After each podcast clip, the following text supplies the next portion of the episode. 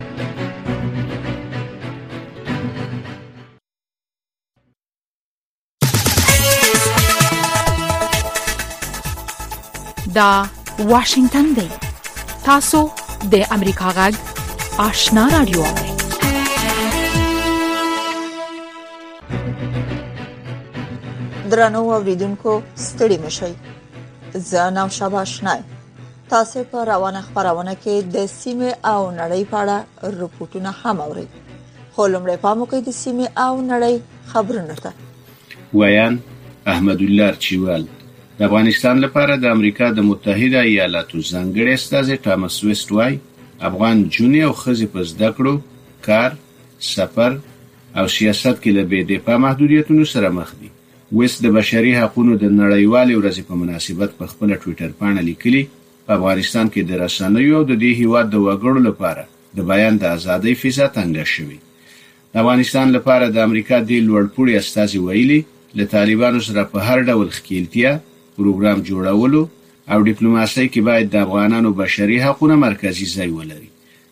په ملګرو ملتونو کې د افغانستان استازولۍ له افغان نجونو او ښځو سره د یووالي د دوام غوښتنه کړې.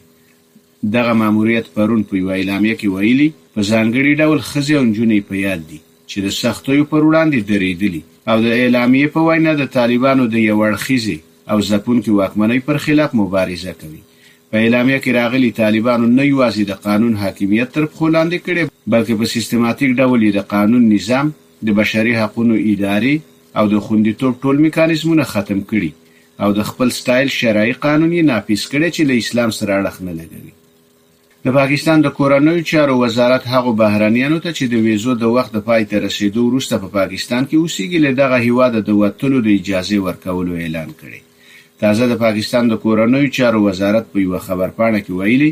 هغو بهرنیانو ته د وتلو اجازه ورکوي چې د ویزو له ختمېدو وروسته په پاکستان کې اوسېږي. په دې خبرپاڼه کې که څه هم هغه هېواد کې د مېشتو افغانانو په اړه څه نه دي ویل شوي، خو دا خبرپاڼه په افغانستان کې د پاکستان سفارت هم په خپله فېسبوک پاڼه خپره کړې. په خبرپاڼه کې ویل شوي چې سرغړونکو ته به درې کاله د بند سزا ورکول کېږي او سربېره پر دې به دوی پاکستان ته د ننوتلو په تور لیست کې هم شاملېږي. د افغانستان د بشري حقونو لپاره د ملګرو ملتونو ځانګړي راپور ورکوونکي ریچارډ بنیت دا اونۍ د جرمونو نړیوالې محکمې په غونډه کې د ګډون په اړه خوشحالي څرګنده کړې. د بنیت د تېرې شپې د ټویټ له مخې، دغې محکمې د جنسیتي ځورونې د جرمونو په اړه خپله نوې تګلاره پیل کړې. هغه زیاته کړې. چې په افغانستان کې د ښځو د حقونو په اړه ناپایه تیاره حالت ته په پام سره په افغانستان کې هم پر دې موضوع د څېړنو ملاتړ کوي. له امریکا غږ څخه خبرونو ته دوام ورکوو. ټاکل شوې نن په ایران کې د افغان کډوالو په اړه د افغانستان، پاکستان، ایران او ملګرو ملتونو د کډوالو عالي کمېشنرۍ د استازو ترمنځ څلور اړخیزه غونډه پیل شي. د طالبانو حکومت د کډوالو او ستنېدونکو چارو وزارت د معلوماتو په اساس د دغه وزارت مسلکي معین عبدالرحمن راشد په یاده غونډه کې د ګډون لپاره ایران ته رسېدلی. د دغه وزارت د اعلامیې له مخې، راشد تېره ورځ د کابل نړیوال هوایي ډګر کې خبریالانو ته ویلي چې په ګاونډیو هېوادونو کې د افغان کډوالو د ستونزو راکمول د کډوالو چارو وزارت له لومړیتوبونو څخه دي. د پاکستان پولیس وايي، پرون په بلوچستان کې په یوه نانوایي کې د بمي چاودنې له کبله لږ تر لږه یو تن وژل شوی او شپږ نور ټپیان دي. د اسوشیټېډ پرېس خبري اژانس په حواله د پولیسو یو افسر ویلي، دغه بم د اوران ولسوالۍ د بازار په نانوایي کې چاودلی. د پولیسو دغه افسر د بلوڅانو بیلتون غوښتونکو ډلې ته په اشارې ویلي چې دغه بم د دولت ضد عناصرو منفجر کړی. تر اوسه چا د دې پېښې مسوولیت نه دی منلی. په داسې حال کې چې په اوکراین د یرغل له کبله د روسیې او د تایوان پر سر د چین سره د واشنګټن اختلافات ډېر شوي، د متحده ایالاتو د دفاع وزیر د مسکو او بیجینګ دواړو له خوا د خپلو اټومي جبه خانو د پراخولو او عصري کولو خبر ورکړی. په دې اړه زما همکار راپور راکوي. آستین چې د متحده ایالاتو د ستراتیژیکې قوماندانۍ په مرکز کې خبرې کولې وویل چې امریکا د یو نوي پړاو په ځای کې ولاړه ده چیرته چې د وستر اټومي ځواکمن هیوادونه ستراتیژیک سیالان دي د متحده ایالاتو د اټومي وسلو مسولیت د همدې قوماندانۍ په لاس کې دی د دفاع وزیر د روسیې په ولسمشر ولادمیر پوتین باندې انتقاد وکړ چې په اوکرين د يرغل را پدې خوای څو ځله د خپل اټومي ځواک په اړه خبرې کړې دي او دا کار یې غیر مسؤلانه وباله غورځنګ د امریکا غږ واشنگټن د اوکراین ولسمشر پر روسي ځواکونو د اوکراین ختیځ ښار بخموت په کنډوالو د بدلولو تور لګولی. په اوکراین کې د روسیې نهه نیم میاشتنۍ جګړه پر هغو څلورو ولایتونو متمرکزه ده، چې د روسیې ولسمشر ولادیمیر پوتین په غیر قانوني ډول د سپتمبر میاشتې په وروستیو کې له خپلې خاورې سره یو ځای کړي. دغه تازه جګړې څرګندوي، چې روسیه هڅه کوي، چې پر دغو سیمو ولکه ټینګه کړي، او اوکراین غواړي چې بیرته دغه سیمې تر خپلې ولکې لاندې راولي. د اوکراین ولسمشر ولادیمیر زیلینسکي ویلي چې د اوکراین په ختیځ کې د دونیڅک او لوهانسک ولایتونو په ګڼو هغو ښارونو کې چې د جګړې په لومړۍ کرښه کې پراته دي، وضعیت لا هم ډېر کړکېچن دی. د ایران د بهرنیو چارو وزارت د بریتانیې او جرمني سفیران احضار کړي او دغه هېوادونه یې د ناقانونه بندیزونو د عملي کېدو په ملاتړ تورن کړي. د فرانسې د خبري اژانس د راپور له مخې، د ایران د بهرنیو چارو وزارت په یوه اعلامیه کې ویلي، چې د بریتانیې سفیر یې د دې لپاره احضار کړی، چې بریتانیي چارواکو ایران کې له روانو اعتراضونو ملاتړ کړي. ایراني چارواکو د بریتانیې له خوا د مظاهرو ملاتړ له دوی په کورنیو چارو کې لاسوهنه بللي. په خبر کې راغلي، چې په تهران کې د جرمني سفیر یې هم د دې لپاره احضار کړی، چې هیواد یې ایران کې له مظاهرو ملاتړ کړی. دا او د دې ساعت خبرونه چې تاسو ته په واشنګټن کې د امریکا غږ له سټوډیو وړاندې کړ.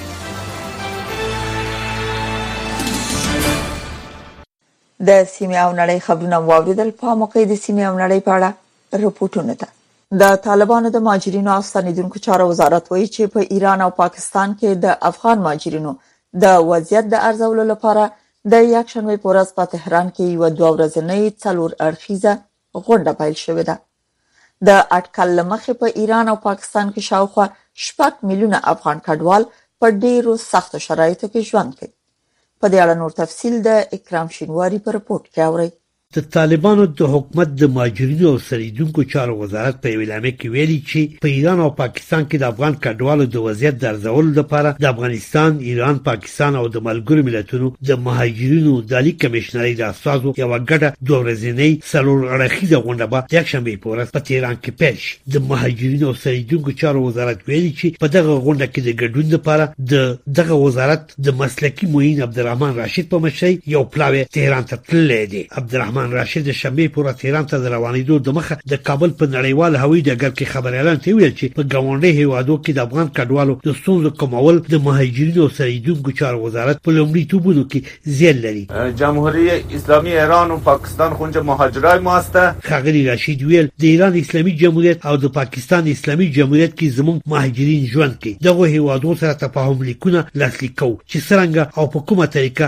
د مهاجرینو ستونزې هوارې او باید چې وطن ته د هغوی ستنېدل په داوطلبانه ډول وشي. تان برگشت میکنم. افغانستان کې د تیر 2023 میلادي کال د بدلون وروسته دا لومړی ځل دی چې په ایران او پاکستان کې د مشت افغان کډوالو د ستونزو په سر د طالبانو د حکومت د مهاجرینو د اړیکې کمشنري چارواکي او د کوربه هیوادو د اساسو ترمنځ سلور اړخي د غونډه جوړي د مخه په پام کې و چې دا غونډه د روان میلادي کال په نیمه کې جوړه شي د نړیوالو مرستې رسونې د ادارو د شمیر لمخې اوس مال په ایران کې د اوس واته زر افغان کډوالو سربیره چې په دغه هیواد کې د مهاجرت په قانوني اسنادو ژوند کوي شاوخوا دوه اعشاریه دوه میلیونه نور افغان کډوال هم په دغه هیواد کې یا د اوږدې مودې د اوسېدنې پر ویزو او یا هم د قانوني اسنادو پرته اوسیږي په ایران کې د اوسېدونکو افغانانو شپږ نوي فیصده په ښارونو او یوازې څلور فیصده په کلیوالو سیمو کې ژوند کوي همداشان په پاکستان کې هم د ملګرو ملتونو د رپورټ له مخې نږدې درې میلیونه افغان کډوال ډېری دي چې شاوخوا نیمه یې د قانوني اسنادو پرته په دغه هیواد کې اوسېږي زیات شمېر افغان کډوال په دغو دوه هیوادو کې د بیکارۍ په ګډون د اقتصادي ستونزو او کوربه هیوادونو د پولیسو او امنیتي ساتونکو د ناسم چلند څخه هم شکایتونه لري خو ایراني او پاکستاني چارواکي وایي چې افغان کډوالو سره د نړیوال ټولنې لخوا د مرستو د کمېدو او هم دننه په دغو هیوادو کې د اقتصادي ستونزو له امله ډېرې مرستې نشي کولی په ایران کې د افغان کډوالو په تړاو دا څلور اړخیزه غونډه په داسې حال کې جوړیږي چې په دې وروستیو کې تر بل هر وخت زیات ګاونډیو او د سیمې هیوادو ته د افغان کډوالو د تللو بهیر ډېر چټک شوی تېره میاشت ایراني چارواکو ویلي چې د تېر دوه زره ویشت میلادي کال د اګست پنځلسمې وروسته دغه هیواد ته له یو میلیون څخه زیات افغانان ورغلي دي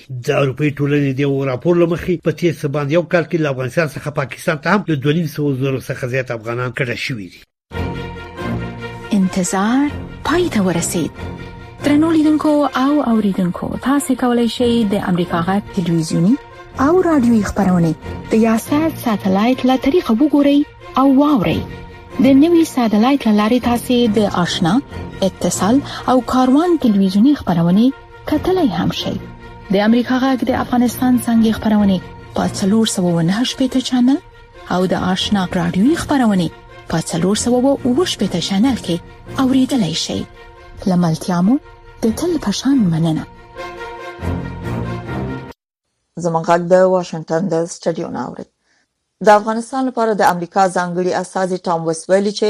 لا هم په افغانستان کې نجونې او مېرمنې د پوهنې کار ګرځېدو راګرځېدو او سیاسي ژوند د محدودیتونو سره مخ دي د متحده ایالاتو د ځانګړي استاذ ویلي چې د طالبانو سره د هر ډول پروګرام په جوړولو او ډیپلوماسي کې باید بشري حقوقونه مرکزی ځای ولري تفصيلي پر پورت کې اورئ د افغانستان لپاره د امریکا ځانګړی استازی ټام وست په دې نظر دی چې واشنگټن باید له طالبانو او نور افغانانو سره په هر ډول تعامل کې بشري حقوقو ته لومړیتوب ورکړي وست د بشري حقوقو د ورځې په مناسبت د یو لړ ټویټونو په ترڅ کې لیکلي چې د نورو حقوقو سربېره په افغانستان کې د مطبوعاتو او د دې هواد د اوسیدونکو لپاره د بیان ازادۍ ساحه تنګه شوې ده د ټویټ په یوه برخه کې راغلي د بشري حقونو ورځ دا را په یادوي چې د افغانستان میرمنې او نجونې په تعلیم، کاروبار، حرکت او سیاسي ژوندانه کې له بې دفاع محدودیتونو سره مخامخ دي. د بشري حقونو نړیواله ورځ هر کال د ډسمبر په لسمه نېټه لمانځل کېږي. پخوا به په افغانستان کې دا ورځ د بېلابېلو غونډو په جوړولو نمانځل کېدله، خو د طالبانو په حاکمیت کې د دې ورځې د نمانځلو څرک نشته.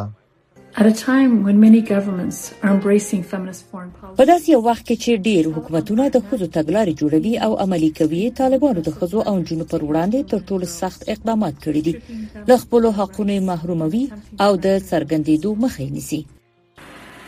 د بشري حقونو نړیواله ورځ په داسې حال کې نمانځل کېږي چې طالبانو پر ښځو سخت مقررات وضع کړي او د یو څو دفترونو په استثنا ښځې په دولتي ادارو کې له کار کولو منع شوې دي. د نجونو منځني ښوونځي او لیسې تړل شوي او ښځو ته امر شوی چې له شرعي محرم پرته سفر ونه کړي. طالبان وايي چې د شریعت له مخې د ښځو او نجونو حقونو ته ژمن دي. زما نظر دا دی چې متحده ایالاتو همدغسې دریز دی قناعت وړ نه دی که چیرته دوی همدغسې په یو عادي شکل باندې د افغانستان سره برخورد کوي دا وضعیت معمولا چې ادامه به کوي ولی که چیرته دوی څومره چې اوکراین ته توجه کړې ده که د هغې یو څو فیصد هم د افغانستان په اړه توجه ولري زه باور لرم چې د افغانستان وضعیت به ښه شي او دغه روان وضعیت څخه به موږ یو بهتر وضعیت طرف ته وځو د امریکا سفارت شارژ ظافیر ښکارنده کړ، د طالبانو له مشرانو غوښتي چې د بشري حقونو د مدافعینو او د نړیوالې ټولنې د هڅو نه ملاتړ وکړي. د ملګرو ملتونو مرستندویه پلاوي یوناما د بشري حقونو وضعیت خورا جدي بللی او له طالبانو یې غوښتي چې ټول هغه اقدامات لغوه کړي چې د افغانانو اساسي حقوق په ځانګړي ډول د ښځو او نجونو حقونه له پامه غورځوي احمد شکیب د امریکا غږ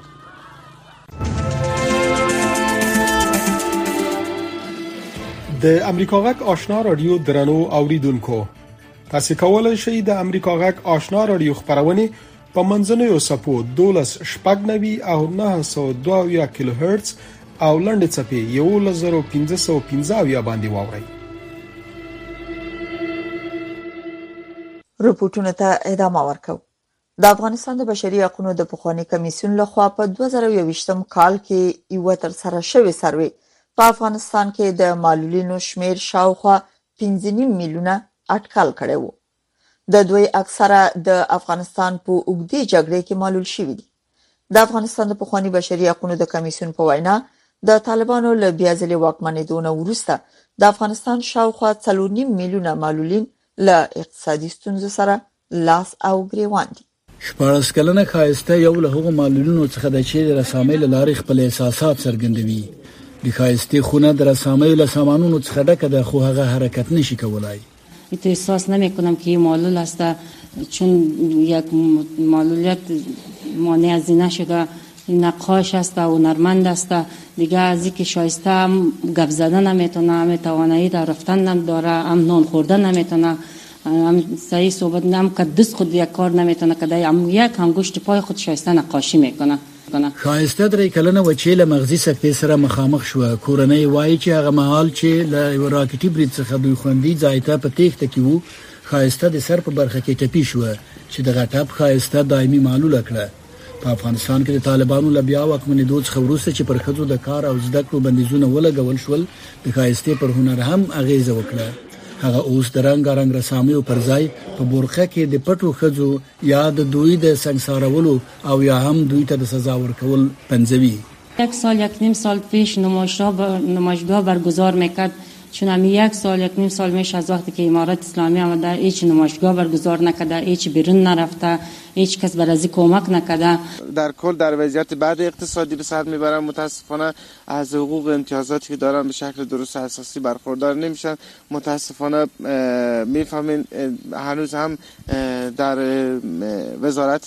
شهدا و معلولین بحث معلولین جنگی و غیر جنگی است که ما تعداد زیاد از معلولین داریم که با مالیاتهای شدید دست پنجه نرم میکنند اما متاسفانه از کمترین امتیاز و حقوق برخوردار نیستند. اکثره معلولین پخواني سرتیري دي. اووه ویشت کلن شهاب الدین اووه کاله مخکې د خپلو نورو همسنګرانو سره ګزمه کوله چې د سړک د غاړې له ماین سره مخامخ شو. په دې پیښه کې د هغه شپږ ملګري ووژل شول او هغه دواړه پښې له لاسه ورکړلې. شدیم کسی به ما توجه نداره که بوگه که غلند شما معلولین بیاین به پلوی ما یا پلوی مار بگیره. بگه تشکر از شما که از پا خود به وطن ما از دست دادین کسی نیست به ما توجه کنه کسی نیه که ما را قوم ما بخوره د طالبانو د حکومت شهیدانو او معلولینو وزارت مسؤلین بیا د روان میلادي کال د اگست په میاشت کې د یو کنفرانس لاره د یو کال د لاس راوړنو د راپور ورکولو پر مهال ویلي وو چې دوی په تیر لمریز کال کې یو لکه 25000 معلولین، معیوبین، یتیمان او کونډې ثبت کړي دي.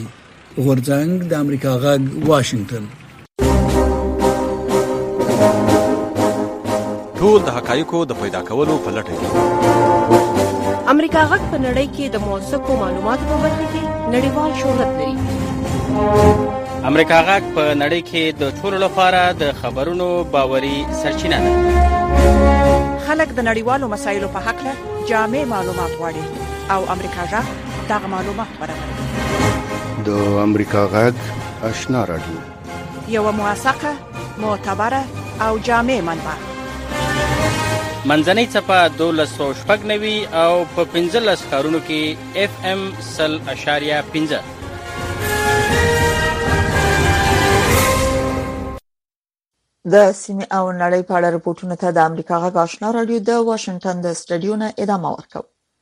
درې کال وړاندې ساينس پوهانو د لومړي ځل لپاره د چین په ووهان ښار کې د یو ناڅرګند ویروس د موندلو خبر ورکړ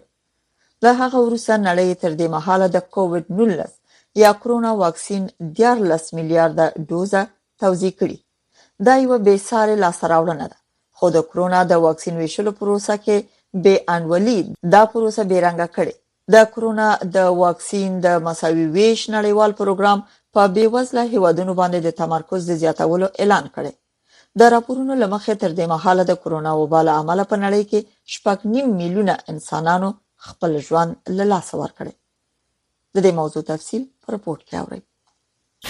د ملګرو ملتونو له ملاتړه برخمن د کرونا د واکسینو د وېش پروګرام کوواکس وروسته له هغه بېوزلو هېوادونو ته د واکسینو د لاسرسي لپاره هلې ځلې پیل کړي چې بډایه هېوادونو په لومړي سر کې د تولید شویو واکسینو زیاتره برخه په خپلو هېوادونو پورې منحصر وساتله. خو بیا هم کوواکس وتوانېد چې تر دوه میلیارده د کرونا واکسین وویشي. کواکس تازه تازه د نړۍ تر ټولو بې وزلو هیوادونو باندې د تمرکز د زیاتولو اعلان کړی. د کرونا د واکسینو په ویشلو کې نا انډولي زیاته او ښکاره ده. د افریقا د ټول نفوس یوازې پنځه ویشت سلنه واکسین شوي. بله خوا بیا په جنوبي امریکا کې د نفوس پنځه اویا سلنه واکسین شوي دي. په بې وزلو هیوادونو کې نورو خلکو ته د واکسینو رسول ستونزه نه ده. اصلي ستونزه په واکسینو کې د عامو خلکو د علاقې نشتوالی دی. په بېوزلو هېوادونو کې د پخوا په څېر اوس مهال خلک د واکسینو د لګولو لپاره په قطارونو کې نه ودرېږي. د کرونا واکسینونو په وېشلو کې نا انډولي زیاته او ښکاره ده. د افریقا د ټول نفوس یوازې پنځه ویشت سلنه واکسین شوي دي. بلخوا بیا په جنوبي امریکا کې د نفوس پنځه اویا سلنه واکسین شوي دي. د دغو واکسینو جوړول یوازې تر څو بډایو هېوادونو پورې محدودېدل، تر ډېره د واکسینو په رسولو کې د ځنډ لامل و. د واکسینو په جوړولو کې بېوزله هېوادونه شاته پاتې شوي. زما له نظره موږ اړ یو داسې لارې چارې ومومو چې د پخوا په پرتله یې په مساوي ډول واکسینونه تولید لپاره لارې چارې ومومو. موږ یوازې د محدودو هېوادونو له خوا نورو هېوادونو ته د واکسین ورکولو په مرسته بسنه ونه کړه. دا روښانه ده چې د خیراتي واکسین اغیزمن نه دي د دې لامل دا دی چې د اړتیا په وخت کې دغه د ګوتو په شمیر هیوادونه بیا خپل اړتیاو ته لومړیتوب ورکوي. تر هغه چې افریقایي ټولنه تر دوه زره څلوېښت کال د خپل عادي واکسینو شپېته سلنه تولیدوي دغه ټولنه له دې پوښتنو چې واکسین اخیستل ګټور دي او که نه او واکسین به څوک اخلي سره مخ ده اصلي ستونزه د واکسینو د جوړولو د یو داسې صنعت چې پر خپلو پښو ودرېدو توان ولري رامنځته کول دي. احمدالله ارچیوال واشنګټن. کابل دی که زابل، تخار دی که هرات، په ټول افغانستان کې د امریکا غږ آشنا رادیو منځنۍ څپه 1290 اف ام 100.15 تاسو زموږ غږ د واشنگټن د سټډیو نه اورئ د پولیو لپاره د یونیسف عامه اړیکو دفتر وایي د خلکو د لا ښه پوهاوي په هدف په نوي میلادي کال کې دا بهیر لا پیاوړی کړي د دغه دفتر د معلوماتو په اساس ورلمخې د رسنیو او نورو مختلفو لارو چارو په مرسته په افغانستان کې سلګونه زره خلک د پولیو په مقابل کې ګډې مبارزې ته چمتو کړي دي په دې اړه نور معلومات د منیر بهار په رپورټ کې د پولیو مخنیوي لپاره د یونیسف عامه اړیکو دفتر چې د ننه په افغانستان کې د ګوزڼ د مخنیوي په هکله د خلکو د پوهاوي مسولیت لري وایي چې د راتلونکي نوي زیږدیز کال په پیل سره د پوهاوي پروګرامونو د لا ښه والي په موخه په نویو لارو چارو غور کوي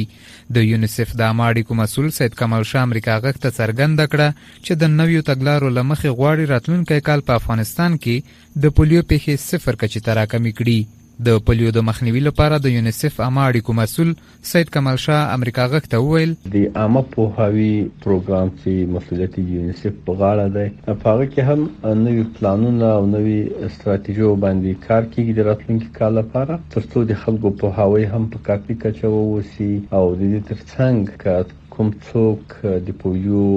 د واکسین یا د ناروغي په هکله کافي معلومات ونه لري، په دې لړ کې کافي معلومات هغوی ته ورکړل شي.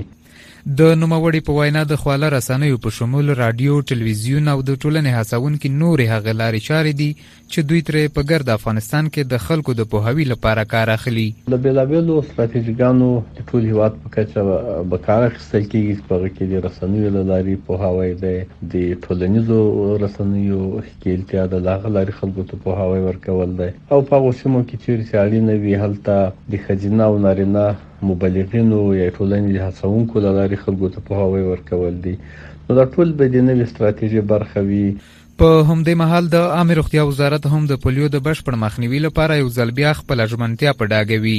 د دغه وزارت ویاند ډاکټر شرافت زمان امرخیل امریکا غږ ته وویل چې د دوی او همغږو ادارو په هڅو روان کال د پولیو اته کمپاینونه په بریالۍ توګه پلي شوي چې د پیښو مخنیوي کې یې د پام وړ اغیز کړی د عامې روغتیا وزارت هڅه کوي ترڅو په افغانستان کې د پولیو واقعات صفر ته راښکته کړي. خوشبختانه چې په تېر یوه کال کې د ښه منیجمنټ او ښه مدیریت له کبله موږ د اته کمپاینونو په توسط وکولای شو چې په افغانستان کې دغه واقعات نور هم راکم شي نسبت تېرو کلونو ته چې سږ کال یوازې موږ دوه مثبت واقعات درلودل. امید ده چې په آینده کلونو کې هم انشاالله د کمپاینونو په ترسره کولو سره د واکسین په تطبیق سره په افغانستان کې د پولیو واقعات نور هم راکم شي او هم د صفر درجې ته راښکته شي. یونیسف داسې مهال د پولیو د مخنیوي لپاره د نویو پلانونو د اعلان او تطبیق خبره کوي چې لا هم د افغانستان زیات شمېر سیمو وګړي د ګوزڼ په باب د معلوماتو په خلا کې واقع دي.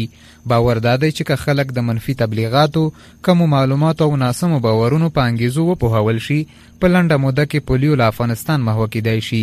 منیر بهار امریکا غږ اشنا رادیو خوست نن او وضعیت د نړۍ سیمه او د افغانستان پر روانو چارو او د ننني وضعیت په حق لا خبرونه راپورټونه مرکه او تحلیلونه هر شپه نه بجې د امریکا غږ آشنا رادیو نه اوري دا د امریکا غږ آشنا رادیو ده د افریقا او عربي نړۍ مسلمان هیواد مراکش د فوتبال لوبډلې تاریخ جوړ کړ او په قطر کې د فیفا په نړیوال جام د لوبو په کوارټر فائنل کې پرتګال ته ماته ورکړه او سیمه فائنل یا نیمه پایلوب ته ورسید نور حال پر رپورټ کې د مراکش د فوتبال لوبډلې پرتګال لوبډلې ته په ماته ورکولو د فوتبال د تر ټولو لوی ټورنمنت په سل کلن تاریخ کې ریکارډ جوړ کړ ډیره سخته لوبه و زه او زما ملګری ډیر پریشان وو شکر چې مراکش لوبه وګټله او د خدای په فضل بل پړاو ته ولاړ د مراکش لوبډلې د شنبې په ورځ د کوارټر فاینل لوبه کې نامتو فوټبالر کریستیانو رونالدو او د هغه لوبډلې ته په یو ګول ماته ورکړه پرتګال نیمایي پایلوبو ته لټک به برخې شو او کور ته ولاړ مونږ ډیر خوشاله یو مونږ له بلجیم نه مراکش ته راغلی یو چې خپل ملي لوبډله تشویق کړو مونږ په خپلې بریا یقین درلود هیله مند یم چې جام زمونږ په نصیب شي د لوبې په میدان کې د مراکش لوبډلې ګڼ شمیر نندارچیان او پلویان ناست وو چې د فلسطین په ملاتړ نارې وهلې او د مراکش لوبغاړو د لوبې لګټلو وروسته په غزا کې هم ښه جشن جوړ شو شغل یوسف اقسم بالله دا د نه منلو وړ احساس دی زه قسم خورم ماته داسې ښکارېدو لکه فلسطین چې لوبې کوي لکه چې دا زما ښکلی هیواد چې لوبه کوي نو اوس د مراکش سره یو او د مراکش سره به پاتې کیږو مونږ وایو د روح او وینې سره مونږ ټول مراکش یو کلونه مغاربه کلونه مغاربه د مراکش په بریا د افریقا د لوی وچې خلک ډیر خوشاله دي چې بل اخره یو افریقایي هیواد د فوتبال په نړیوال جام کې داسې کچې ته رسیږي چې په عام ډول د اروپا او جنوبي امریکا لوبډلې ورته رسیږي په قطر کې د فوتبال د نړیوال جام سیالیو په وروستي کوارټر فاینل کې فرانسې د انګلستان لوبډلې ته دوه د یو په مقابل کې ماته ورکړه او په دې سره د دې جام نیمه پایلوبې ته لار وموند ټاکل شوې چې لمړنۍ نیمه پایلوبه د سه شنبه په ورځ د کروشیا او ارجنټاین او دویمه یوه ورځ وروسته د فرانسې او مراکش ترمنځ ترسره شي.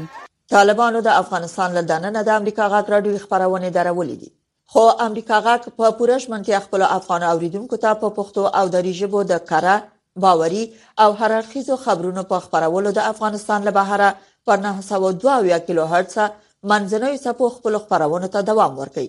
د دې ترڅنګ تاسو کولی شئ چې زموږ پښتو خپرونې په لنډو څپو هم واورئ. پښتو سهارنۍ خبري خپرونې پر 2290.0 څپو اوریدلی شئ. ماښامنۍ پښتو خپرونې په 12140.0، 12015.0، 9815.0، 14590.0 میګا هرتز لنډو څپو اوریدلی شئ. سپینې خبرې یا رکو راز خبرونه په لنډو چاپو 12015.0 میگا هرتز د نن او وضعیت یا روایت امروز خبرونه پر لنډو صفو 12140.0 9915.0 12015.0 او ساسغت یا صداي شما خبرونه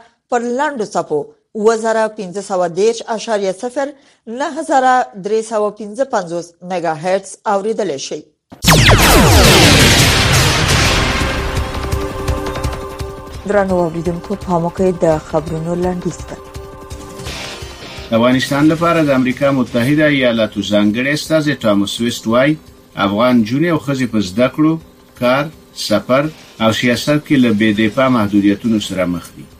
په ملګرو ملتونو کې د افغانستان استازولۍ له افغان نجونو او ښځو سره د اتحاد د دوام غوښتنه کړې. د پاکستان د کورنیو چارو وزارت هغو بهرنیانو ته چې د ویزو د وخت د پای ته رسېدو وروسته په پاکستان کې اوسېږي، له دغه هېواده د وتلو د اجازې ورکولو اعلان کړی. د افغانستان د بشري حقونو لپاره د ملګرو ملتونو ځانګړی راپور ورکوونکی ریچارډ بینت دا اونۍ د جرمونو د نړیوالې محکمې په غونډه کې د ګډون په اړه خوشحالي څرګنده کړې. هغه زیاته کړې، چې په افغانستان کې د ښځو د حقونو په اړه ناپایه تیاره حالت ته په پام سره په افغانستان کې هم پر دې موضوع د څېړنو ملاتړ کوي. ټاکل شوې نن په ایران کې د افغان کډوالو په اړه د افغانستان، پاکستان، ایران او ملګرو ملتونو د کډوالو عالي کمشنرۍ د استازو ترمنځ څلور اړخیزه غونډه پیل شي. د پاکستان پولیس وايي پرون په بلوچستان کې په یوه نانوایي کې د بمي چاودنې له کبله لږ تر لږه یو کس وژل شوی او شپږ نور ټپیان دي. تر اوسه چا د دې پېښې مسوولیت نه دی منلی. په داسې حال کې چې په اوکراین د یرغل له کبله د روسیې او د تایوان پر سر د چین سره د واشنګټن اختلافات ډېر شوي، د متحده ایالاتو د دفاع وزیر د مسکو او بیجینګ دواړو له خوا د خپلو اتومي جبه خانو د پراخولو او عصري کولو خبر ورکړی. د اوکراین ولسمشر پر روسي ځواکونو، د اوکراین ختیځ ښار بخموت په کنډوالو د بدلولو تور لګولی. د ایران د بهرنیو چارو وزارت د بریتانیې او جرمني سفیران احضار کړي او دغه هیوادونه یې د ناقانونه بندیزونو د عملي کیدو په ملاتړ تورن کړي. درنو اوریدونکو خبرونه په همدې ځای پای ته ورسیده تر بیا خدای مل